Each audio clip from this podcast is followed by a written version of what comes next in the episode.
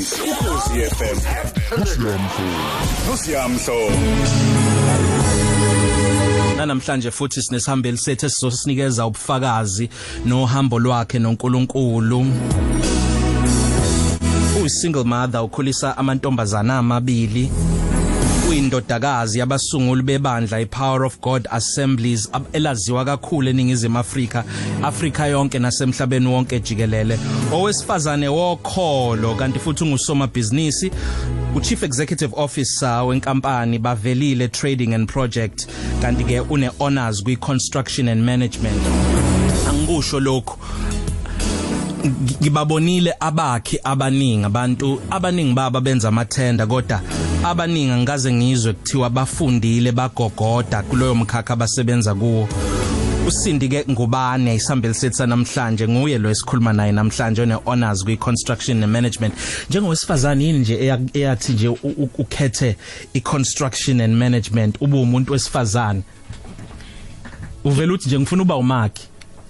Ngiyanibingelela balaleli bokhozi. Eh njengoba beseshilo usiya igama lami ngusindi ngangiganele kangubani kwakamahlala empini isibongo? Yebo. Eh the reason why ngachoose i construction eh ngizonithatha back nje uma wami ayisebenzela ama consultant e cleaner ama office ama engineers ama architect so em uprofut wami omdala meqeda ukwenza matric bamthatha bamtrainer. Uma wengenayo imali yokumisa emfundweni ephakemeyo. So my brother wasebenza nabo. Wase wa uma ngiqeda umatric wami ngangifuna ukuba udokotela. Mhm. Wathi hayi ngeke kulunge kube nodokotela. Hamba ukwenza i quantity surveying so that one day sizovula inkampani. Oh wayifunda i quantity surveying. Yes. wayifunda wasebenza futhi. Yes ngasebenza kumasipala weTheku ngitshele umkhakha ukuba kwi quantity surveying njengoba wena futhi eh, we- u- u- ufunde wathola iziqu zakho kwi construction management umkhakha okunabantu besilisa kakhulu. Akusabisi akuthusi njengomuntu wesifazane kuba kuleyo mkhakha onjalo? Eh bekuthusa before but now there are so many women abakhona kwi industry abakhona. Yes futhi yes, abavelele abavelele abaphumelelayo. and you know uma umuntu esifazane uma uNkulunkulu akho umuntu eh God created Adam first and then wakho Eve yeah. So thina savela emva kwa Adam so uNkulunkulu waqala wakho Adam umuntu wesifazane uyi second edition. Mm. so if you are a second edition God excelled kumuntu wesifazane that's why umuntu wesifazane menza into yonke into yakhe iba extraordinary akufani nje Mm. yes that's why kuneslogan esithi eh you find a woman you find a nation Wow. Ngathuka ke uma ngitshelwa ukuthi unamantombazana amabili ngumama amantombazana amabili asekhulile futhi uma ungahlangana naye emlaleli wokhozi uyobona ukuthi ngathi mhlawumbe uno 22 23 24 Sindi dadewethu namhlanje angiqale ngibonga ukuthi uvumile eh ubhizi kakhulu. Buka nje izolo khona inkonfo bukade kuyo yabesifazane ngolesihlanu futhi. Uyabona nangoma komsebenzi wakho indawo ezahlukahlukene ungumama kuningi okwenzayo kwamanje kumele ngabe usenkonzweni njengoba umuntu osevayo. Awusitshele sesizwile uzalwa umndeni wakamahlala empini songena kulokho njengamanje. Sitshele kodwa uzalelwe kuphi wakhula kuphi wafunda kuphi? Ngazalelwa eKadabeka mm. Elokishini eClermont. eh, eClermont. Eh ifundo zami zonke ngaqala khona emabangeni amancane first year. Ngaze ngaqeda umatric khona eKwadabeka esithokozile Mm. so emva kwalokho ngase ngaya ukufunda eSultan ngenza yona iquantity surveying and construction management. Mm. Eh ngase ngamajor ngeconstruction management. uyi-PK lokho kusho ukuthi uyi-pastor's kid yes ngizalelwe eh, abazali ama founders ebandla ngizalelwe enkonzweni nje. Eh. Ngangezwe ngelinye ilanga ngimeme umama uThapsile Mahlaba. Yes. esho ukuthi ukuphenduka kwakhe kwakushumayela ubaba umfundisi uMahlala empeni akusitshele ngabazali bakho ba abantu abahlonipheke kakhulu eh, yize bengasekho ba abantu abashiye igama. Nalento yevangela bazange bayincithize bayiphile ngokoqobo. Wena njengomntwana wabo kuba njani ukukhuliswa abantu abanjeni uyakwazi kuba womunye umntwana ofana nabanye nje abazalwa kweminye imindeni noma okwakho ukukhula ukukhuliswa kuyahluka? Eh ngizothi nje eh ngi- ngi- ngiyumntwana okhulele khona enkonzweni every day. Every morning besivuka ekhaya besivuka ngoNkulunkulu. But i think impact kaNkulunkulu ngibone sengimdala. Eh through ama life challenges. Bese ngibona ukuthi kahle kahle lento engayinikwa abazali bami iyo isiza lafu iyasiza. Ngangibone ngathi bayangihlukumeza ngisayingane. Uvuka njalo ekuseni uthi hawu njalo fanele siye esontweni. Ithina njalo fanele siyoklina enkonzweni. Fanele eh, eh, sometimes ekhaya nje bakade kuyindawo yasemishini befika Yeah. Abantu sometimes you give up um- umbhede wakho ulale phansi impahla zakho Impahla zakho. sincane isikhathi nabazali kuhlezi Yes. kukhona abantu abazolekelelwa you sacrifice ukulala kwakho kunabafundisi ulala ngo1 fanele wenze sure ukuthi wenza itiye fanele wenze sure ukuthi bayalala kuqala before uya uyolala ekseni uvuka ekseni uye esikoleni so eh lokho kwangifundisa ama life principles Yeah. ngiyakubona manje ukuthi kuyangisiza empilweni yami. And into engizoyisho ukuthi thina njengabantwana babazalwane eh abazali bethu mesifika emhlabeni basinikela kuNkulunkulu mebes- Baninikela kuNkulunkulu. yes. As as as- umntwana wabazalwane fanele ukwazi ukuthi uma uzalwa abazalwane kunama rituals wonke- imizi nemizi nama rituals akhona thina uma umntwana kaNkuluNkulu abazali abazali bakho bakunikela kuNkulunkulu kusuke kungasewena wakho. Noma wena ungenza ngendlela yasemhlabeni into zakho ngeke zikulungele. Ngakubona lokho empilweni yami. Ukuthi kangithi kodwa ngiyo- ngiyo- ngiyosebenza nini? Ngiqale ngiphila impilo yami. Yeah. uma ngiqala ngiphila impilo yami nami ngenza ngendlela yabanye abantu basemhlabeni but i faced consequences ukungenzi ngendlela kaNkuluNkulu. Yeah. Yes. Abantu ke wena wena nezinye ingane zakini bebenibheka mhlambe ke uthola ukuthi banibandlulula manje njengeingane zabafundisi ukuthi kungani nina nenza kanje kumele nenze kanjena. Benithola leyo nto noma benamukeleka nje njengabantu abajwayelekile emphakathini. Bebethina abazali beni ngalokho ukunivikela mhlambe njengeingane zabo. Eh engakusho ukuthi it's a challenge ukuzalwa abantu zalwana abakhulayo Yeah. Especially uh, Baloli yahloma. aba found ama founders ebandla. Yeah. because fanele ube example awukwazi ukuphila impilo yakho. Fanele uphile impilo that will please them that will please abantu basemhlabeni ngaso sonke isikhathi. Iphutha nje lincane lakho lenzile liba likhulu. Yeah. Yes. Mm. yes. But ke ya kona e- e- e- ekukhuleni ngokukhamba uyabona ukuthi eh vele konke fanele sikwenze fanele sikwenze sikususele ezweni yeah yes. Imzuzu ingamashumi amabili lishayile ihora leshumi ekseni ulalela uhlelo indumiso kulesi sigaba sengxoxo.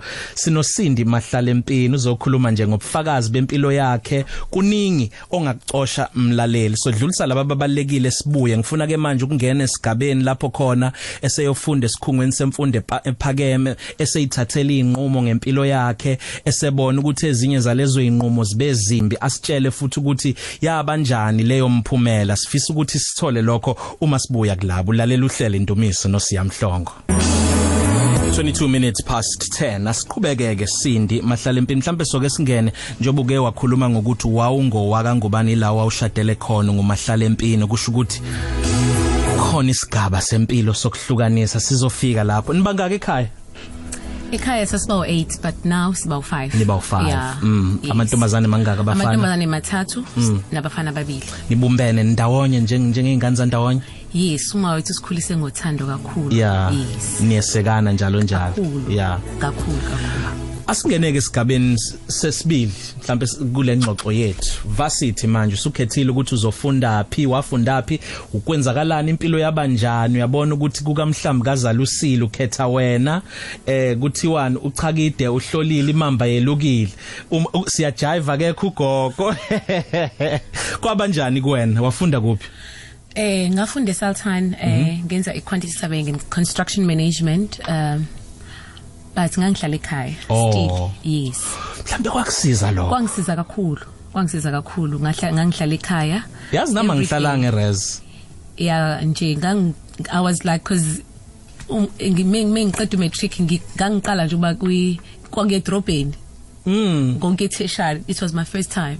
Cause ngangikwaze ngangaze Pine Town not eThekwini. eThekwini. Yes. kodwa kula eduze. Kula eduzane ngiyakhumbula ukuthi usuku lami lokuqala nje ngangiphelezele ubaba. Yeah eh i think wayeng- wayengihambisa engibuyisa esikoleni for 2 weeks but ke emva kwalokho wangiyekela ngayihambela. Wayihambela. yes because i was uh, i was very close to him. Oh, okay. yes we are kakhulu kakhulu. Uma ufunda ke awusitshele ngaleso sigaba sokukhula mhlambe la usuyithathela khona inqumo yizo uhlala ekhaya ukuthi iziphi izinto oyikhumbulayo ezingabaluleka ezenzeka mhlambe ezibe neimpact ngenzeka enhle noma embi empilweni yakho? Eh ngingathi eh i did my first year eh my second year my third year. Eh, okunye kwami okugcina ngakhulelwa. Okay. Eh eh ngakhulelwa. Njengengane kamfundisi. Njengane umfundisi kwakunzima kakhulu.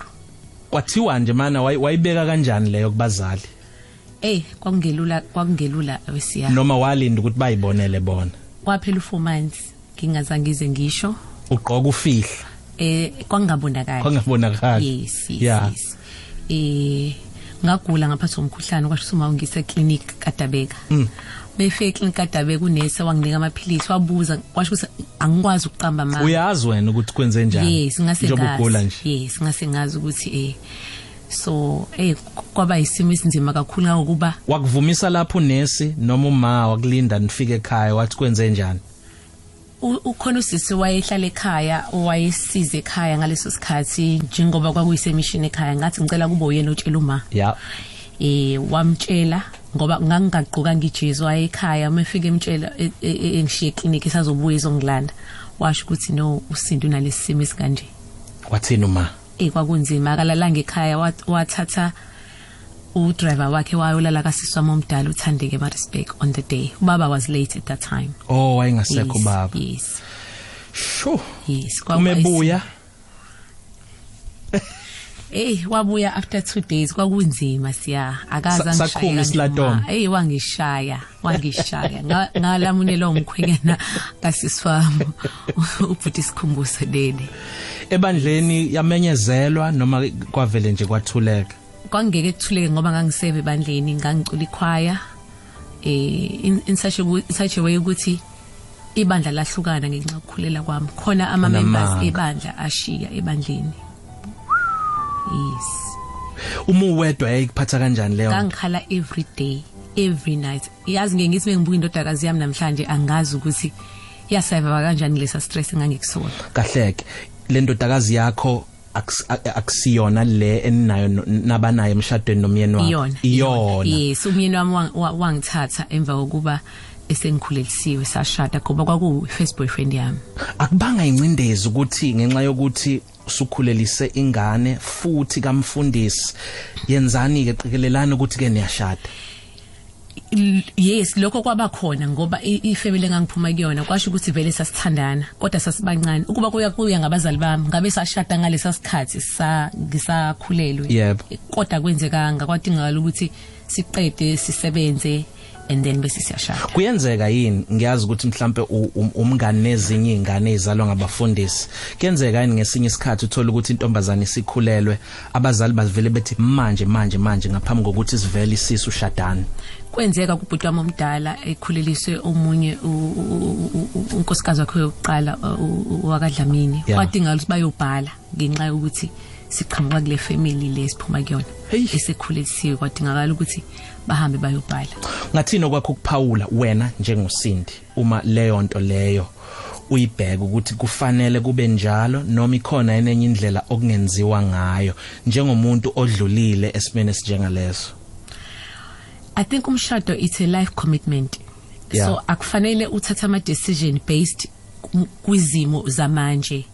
Eh for, for ushade for wrong reasons. Nangenxa yokufihla amahlazo. Nenxa yokufihla amahlazo yes. We all make mistakes emhlabeni empilweni and kuNkulunkulu isono siyafana. So akufanele manje uthatha ama decision ukuthi uyongena emshadweni ngoba usukhulelwe. That is a wrong decision. Ufuna sisheshe sidlele sidlule kuleyo mshado. Ngoba ichayi eh kwenzakalana emshadweni? Nashada kwabamnandi eh kwafika kweliphi iqophelo njengoba ushilo ukuthi manje awuseyena usindi ngubani yes um ngashada kwaba mnandi nomyeni wami saba nebusiness imali yangena yonke into was blooming eh I think into eyenzeke empilweni yami since ngangikhulela ekhaya eli strict and eh mase ngishadile ngathola ifreedom nami ngingazama ukufana nabanye abantwana ngenza into ezenziwa emhlabeni. Ngaqala ngahamba ama club ngaphuza utshwala eh ngoba ngenza izinto enga- engazange ngize ngikhuliswe ngaze ekhaya. Usushadile njalo? Sengishadile. Nihamba nomyeni? Sihamba nomyeni siyagroova kumnandi.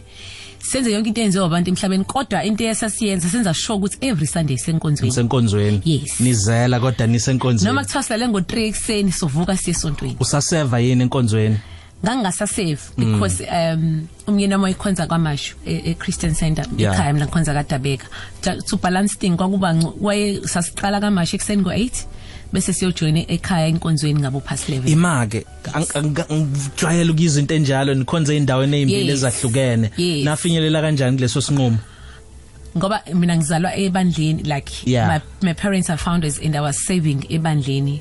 Mkange ngikwazi ukulishiya ibandla lami. Mm. so wakuncenga ukuthi asambe siye kula engikhonza khona. So babili sasizama ukubalansisa isimo. So sasiqala kwibandla ebandleni lakhe. Siphume khona sibandleni lami every sunday kwakulunga we lokho? Kwakwenzeka? Yes kwakwenzeka. Ngoba ikhathi zazingafani.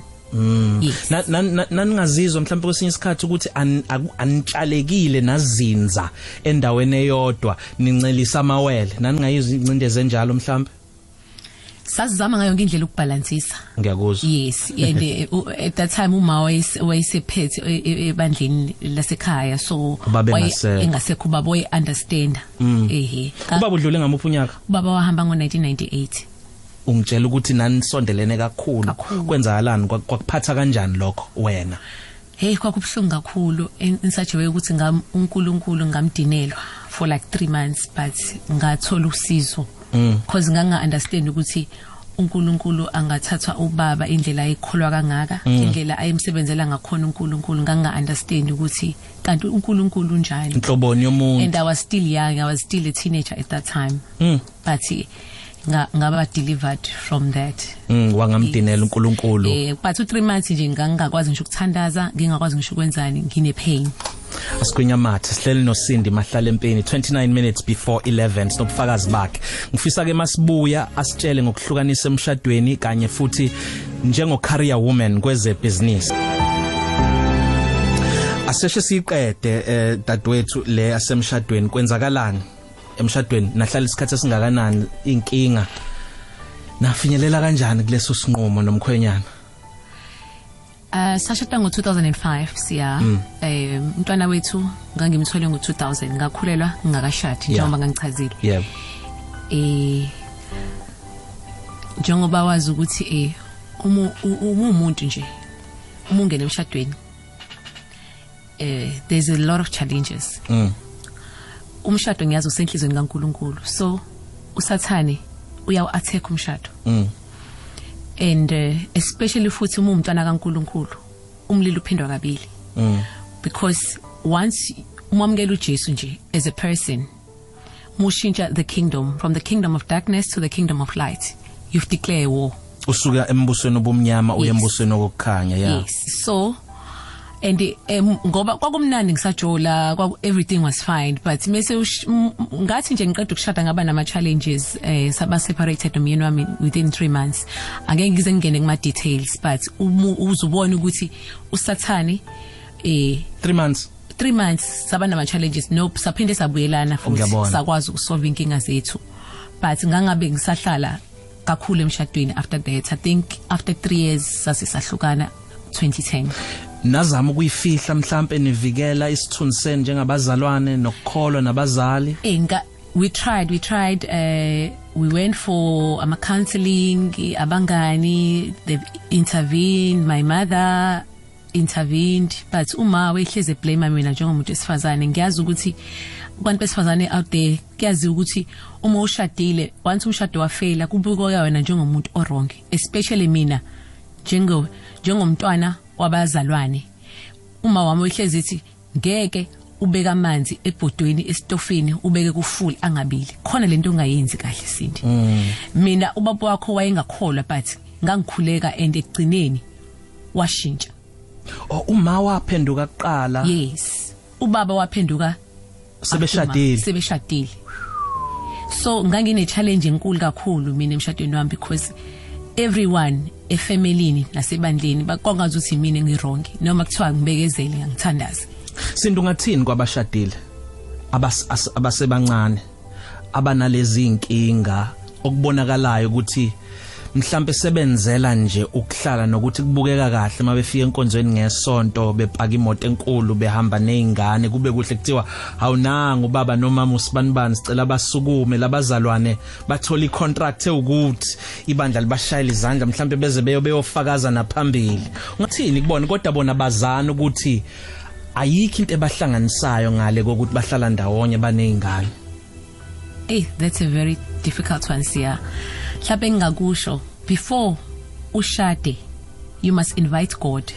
Mina ngizange ngize ngim-invite unkulunkulu emshadweni wami even though ngangikhulele e- e- e- ekhaya el- elinonkulunkulu.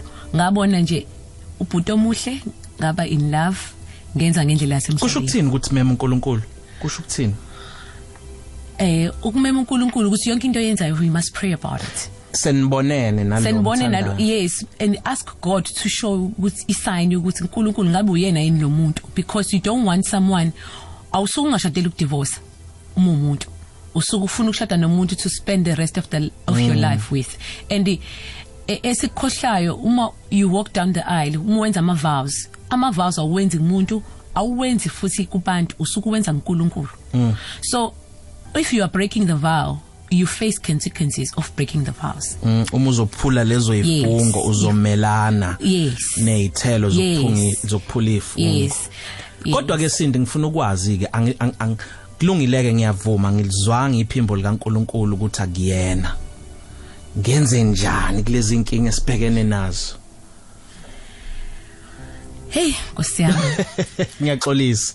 I know Ukubeka ukuthi most esitikini. imshado inawo ama challenges and imshado ayifani eh. Awucabanga ukuthi ema- emabandleni yokuthi shadani shadani shadani shadani.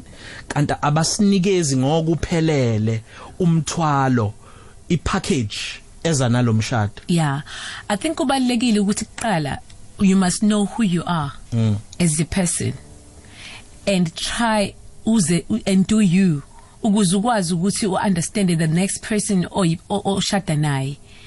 So ukuthi kunzima ngoba mesikhulele enkonzweni into encourageayo ukuthi shada shada shada. Ngeke ukwazi ukuhlala u- u- u- uze ube mdala ungashadanga because inature ifuna into yayo. Kuzoba nemibuzo futhi. Yes yes asidluleke leyo mshado manje ngicela sidlule. Khona isigaba la uma hambe khona eh emhlabeni futhi wahamba kabhlungu ma. Kwaphatha kanjani lokho? Kwaniphatha kanjani njengomndeni? Eh ngiyazi ukuthi uthe ngesikhathi khamba ubaba wadinela uNkulunkulu inyanga ezintathu kwenzakalani ke kuma? I think isikhathi kuzohamba uma eh ngoba bese ngikhule kakhulu enkosini akufananga ngalesa sikhathi khamba ubaba. Yeah.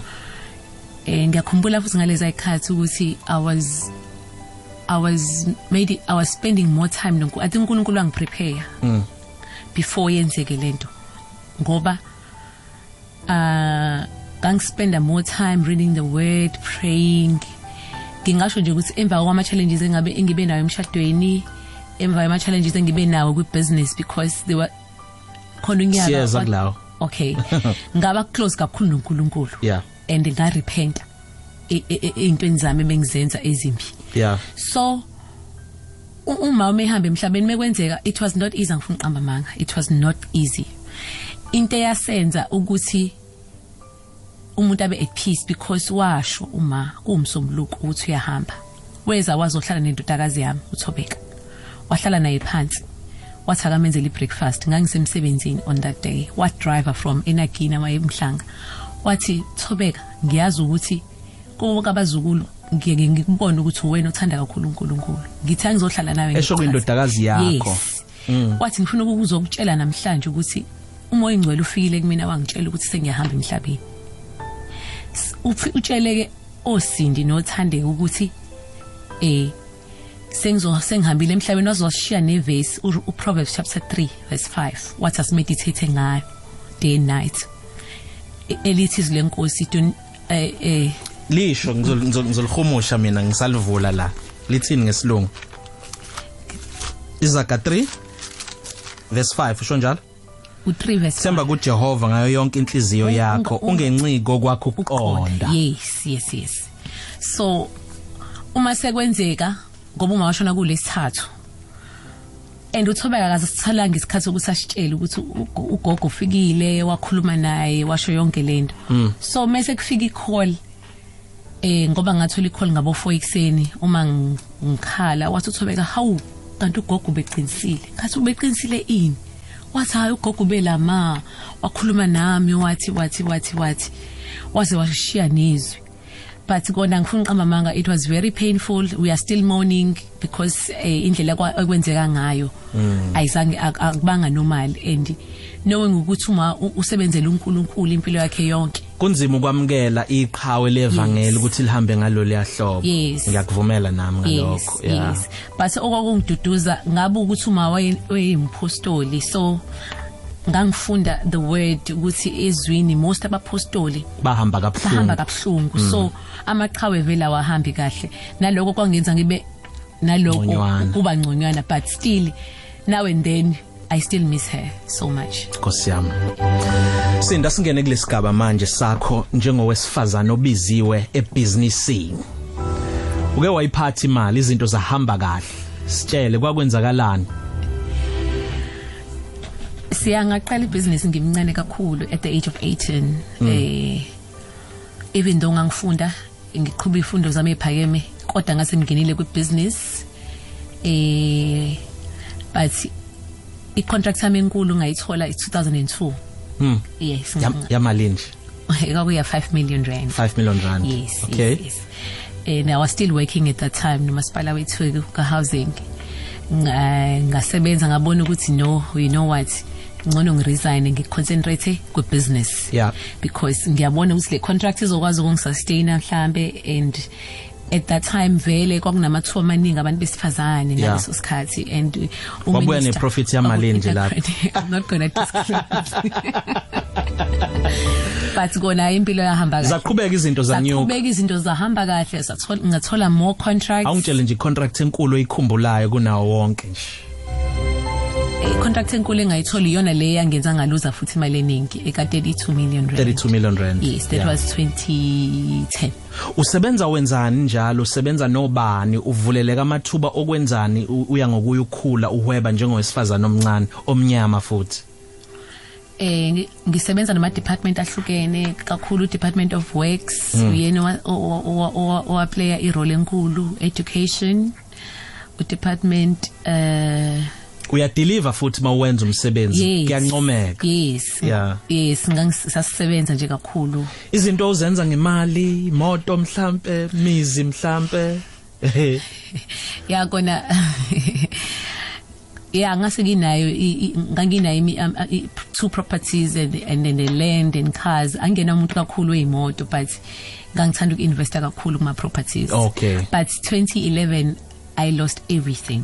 Kwenzakalani nga nga- nga- nga- ngaluza imali kwi contract yesibedlela ngakhe isibedlela eCockstad no nomama onga- ongasekho manje emhlabeni usanda kushiya emhlabeni umama uzondo uthathini yebo yes. Eh icontract yakho yokwakha isibhedlela? Yes. Umncane. Sasebenzisana yes. Wona nganga leso sikhathi uyakhumbula? At that time i was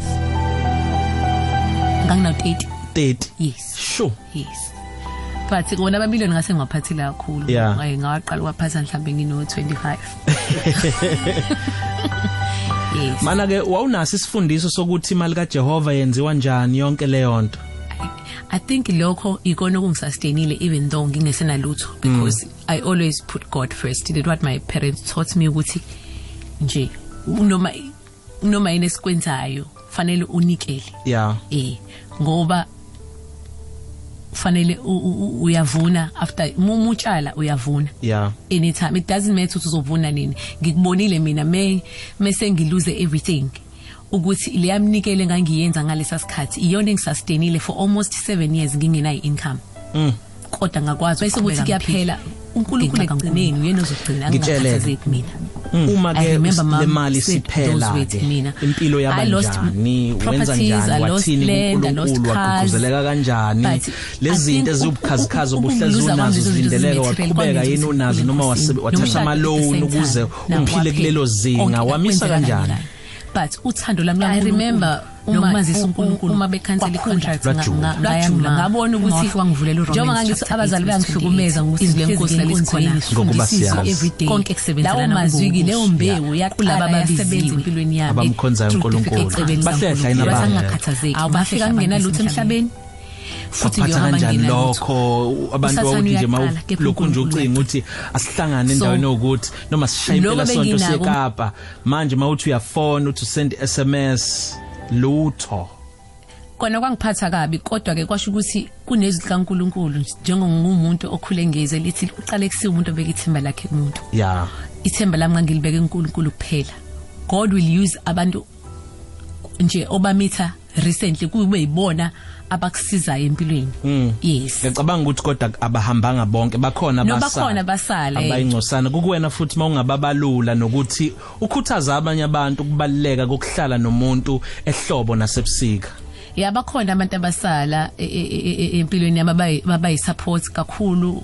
My sister was there uthandeka nene u- nosandile langa ubhuti wami. Esikhule naye naye eKatabeka kwakuyena umuntu wokuqala ngangimfonela mase kufika usheriff. Eh wayefika kuzorepossesswa ke lapho Yes. kuzodliwa impahla. Yes yes yes. Ngingasazi ukuthi ngizokwenza njani. Ba- waba yi-support system enkulu. Khona nabanye engangimithe along the way eh, eh, eh, recently njengosenzo sithole naye umngani wami naye he was there for me. Ba- baningi abanye who were, who were there for me nje Yeah. uNkulunkulu owabavusa ngaleso sikhathi. Lwajula ukholo lwakho ngaleso sikhathi? Yes futhi lajula kakhulu ukholo lwami. And ngambona uNkulunkulu ukuthi kahle kahle udila ne character yami because into eyenzeka ngathi uma ngiba nemali ngaqala ngangabusaba interested kakhulu into enza uNkulunkulu ngaba interested into enza sezweni ugcina usuba busy futhi uma kunezinto zasebandleni mhlawumbe ngiye ngiyibone nje. leyo nto yes but ngoba uNkulunkulu wa- wayengibizile and njengoba ngangishade ngishileqela ukuthi uma umntwana kaNkulunkulu abazali bebekunikele uNkulunkulu mozalwa into zakho ngezilunge umonza ngendlela yasemhlabeni. Kufanele wenze ngendlela kaNkulunkulu ukuze uphumelele. Asigwinya mathe sidlulisele ababalekile sibuye sivale sihleli nosindi mahlala empini. Ngiyakhumbula de sixoxa nawe Sindo ukuthi uke wathi wazi wathatha nesinqumo. Khona la uke wathatha khona isinqumo sokuthi uphume ngisho ku social media ngenxa yokuthi uyabona ukuthi eh engazi ukuthi lento ayikulungele wena necebo likaNkuluNkulu. Kwesinye isikhathi impilo iyadinga uthathe lezo inqumo eh? Yebo kubalekile kakhulu. Eh i think ngathatha leso sinqumo 3 years ago because ngabona ukuthi now I'm, I'm I'm regrouping again. I'm I'm restarting my life again. yeah. eh ngoba ngathi uma ngiluze yonke into ngabuyela back ngayosebenza but ngabona ukuthi lento yokusebenza ayingayona yami. And I started another company le nginayo njengamanje. Eh and umoya ingcele washo kumuntu othi azini Cindy uzoba nemali eningi. You don't need this thing i social media because I'm going to take you to greater things. Ngizokuyisa ezintweni Yes. ezinkulu kunalezi. Yes. And i can see it's happening. U so nga decide ukuphuma kwi social media eh njengamanje i started a new company and Yenza leyo everything nkampani? is doing well no ngisakhona ngisawuyena umakhi usawumaki yeah but eh, i'm not focusing ekwakheni kuphela Kuphela. njengamanje kunezinye izinto that eh, eh, eh, I'm ngis- ngis- zisavuthwa but Yeah. yeah ngisa- ngisabhizi nazo kodwa zizovuthwa nje very very soon. Siyabonga kakhulu. Khona umyalezo la uqhamuka kusibhubutheleza uthi wow ubufakazi obunjena bakithi. Ngiyabaza odadewabo kakhulu omncane kodwa bengingazi usephuma ebunzimeni eh, nasezinweni ezinjena. Siyabonga kakhulu Sheng. Nangomunye la uzinhle ngcobo kwamasha uthi eh, uyakucaphuna ngesikhathi uthi uma be- ubeka amanzi estofini ubeka umlilo phezulu kodwa amanzi engabili kusho ukuthi kukhona into ongayenzile kahle. Amen. Hey siyabonga bhuti siya nosinda. Amazi lawa eshoma wakho eh? Ngifisa ke manje njengoba ngiyazi uyisitwip futhi usuke waprofethwa woSindi Trim nabantu abaningi ngekusasa lakho nalokho ozoba yikho. Kusinikeze nje umphako womyalezo ozonikeza umuntu ithemba kusasa ukuthi akaphila impilo azi ukuthi ukhona uJehova futhi naye mhlawumbe sifakele sesisekelo samaRoma 8:28 ngokuba siyazi ukuthi konke kusebenzelana kube ngokuhle kwabamthandayo uNkulunkulu ababiziwe ngokwecebo lakhe. Futhi ukudedela ke sesivala Yes ya ngiyabonga kakhulu for ithuba. I, hope ngizokwenza impact kwabanye abantu especially abantwana abakhulele evangelini. Mm. nje engizokusho nje ukuthi ngempela kubalekile ukuthi wenze ngendlela kaNkuluNkulu from the start because uma uyitshela usuhlakaniphile wenza ngendlela yakho izinto zakho ngeke ihambe kahle. Ngoba thina njengabantwana bakaIsrael asifani nabanye abantwana. Abazali bethu bakhuluma isibiso phezulu kwempilo yethu basikhulekela baprofeta phezulu kwempilo zethu. So uma siphuma endleleni into zethu ngeke zize ilunge angikho perfect but ngiyazama ngaso sonke isikhathi ukuthi yonke into engiyenzayo I'm partnering with God in everything that I do. Ngabe ngikwenza kwibusiness impilo generally i involve uNkulunkulu kuyo yonke into engiyenzayo. And ukukhuleka kubalekile ngas- ngaso sonke isikhathi because as ezisiphile emhlabeni asibambene nenyama negazi sibambene nemoya. Lapha kuma Ephesians chapter 6 verse 12 liyasho izwi lenkosi kakhulu ukuthi ngaso sonke isikhathi fanele sihlome zonke izikhali zikamoya ukuze sikwazi ukuphumelela. So ngizama ukencourage wonke umuntu out there ukuthi ku- kubalekile ukuthi uinvite uNkulunkulu kukho konke okwenzayo ukuze impilo yakhe iphumelele. Njengoba nami ngaqala noma ngikhulele e, e, e, ebandleni ngenza ngendlela yami but ngabuyela back endleleni ngangikhuliswe ngayo nabazali bami. Ngiyabuka manje into zami zihamba kahle and ngicela uNkulunkulu anginikeze amandla ukuthi ngiqhubeke ngihambisane naye ngibambane naye. Nje engizokusho futhi kosoma business. Yebo. Eh i think we have declared unyaka ka2019 as a year of uh, visionary year. God is going to shift hands. Sikhathele ukuthi imali ibe kubantu abangakholwa thina abantu abakholwayo singabi nayo imali. uNkulunkulu wasidala ukuthi sibuse la emhlabeni njengawo wonke umuntu. Imandate kaNkulunkulu ukuthi wonke umuntu ukuthi size ubusa si- sishintshe umhlaba ufane nezulu. Ngikanjani na? ukuthi si- si- sibe nemali eningi hayi ukuthi sikholelwa ukuthi sife siye ezulwini cha fanele sibuse kuqala emhlabeni so money is going to shift hands as umntwana kaNkulunkulu you must get ready. Because 2019 kuzoba mnandi kakhulu. God is going to download ideas kubantwana bakhe. Umuthi uyabheka yonke into enziwe umuntu wasemhlabeni is falling apart. The only solution esinayo uNkulunkulu. uNkulunkulu yonke into fanele ibuyele back kuyena ngoba ungu alpha and u omega. Ungu-Omega. yes. So as abantwana bakaNkulunkulu kubalekile ngempela ukuthi must position ourselves. uNkulunkulu sim- simkhonze ngokweqiniso. Yazi ukuthi baningi abaprofeti bamanga njengamanje but wena ongazani noNkulunkulu uNkulunkulu khona ngaso sonke isikhathi. Siyabonga kakhulu Sindi wakhuluma kamnandi. Indlela oyi perfectionist ngayo uloke esinikeza ubuso bokuthi ngikhuluma kahle kodwa angibhedi na kancane sisiwami utholakala kuphi? Ngiyazi ukuthi khona sebelindele ukuthi sesizwile ukuthi eh wahlukanisa. Mhlawumbe khona abagebhile ngiyadlala kodwa uthinta impilo yabantu abaningi. Mhlawumbe bakhona bangafisa ukuphinde basizakale kuwena. Ukutholakala kanjani? Khona email address? Yes butwami eh email address yami it's cindy m46@gmail.com usindi ospelwa kanjani c i n d i m 46@gmail.com siyabonga kakhulu ngiyabonga balaleli bosuku usindi mahlala empini besixoxa naye namhlanje ngobufakazi bempilo yakhe Dumisa ukhosi FM. Nosiamhlobo. Nosiamhlobo.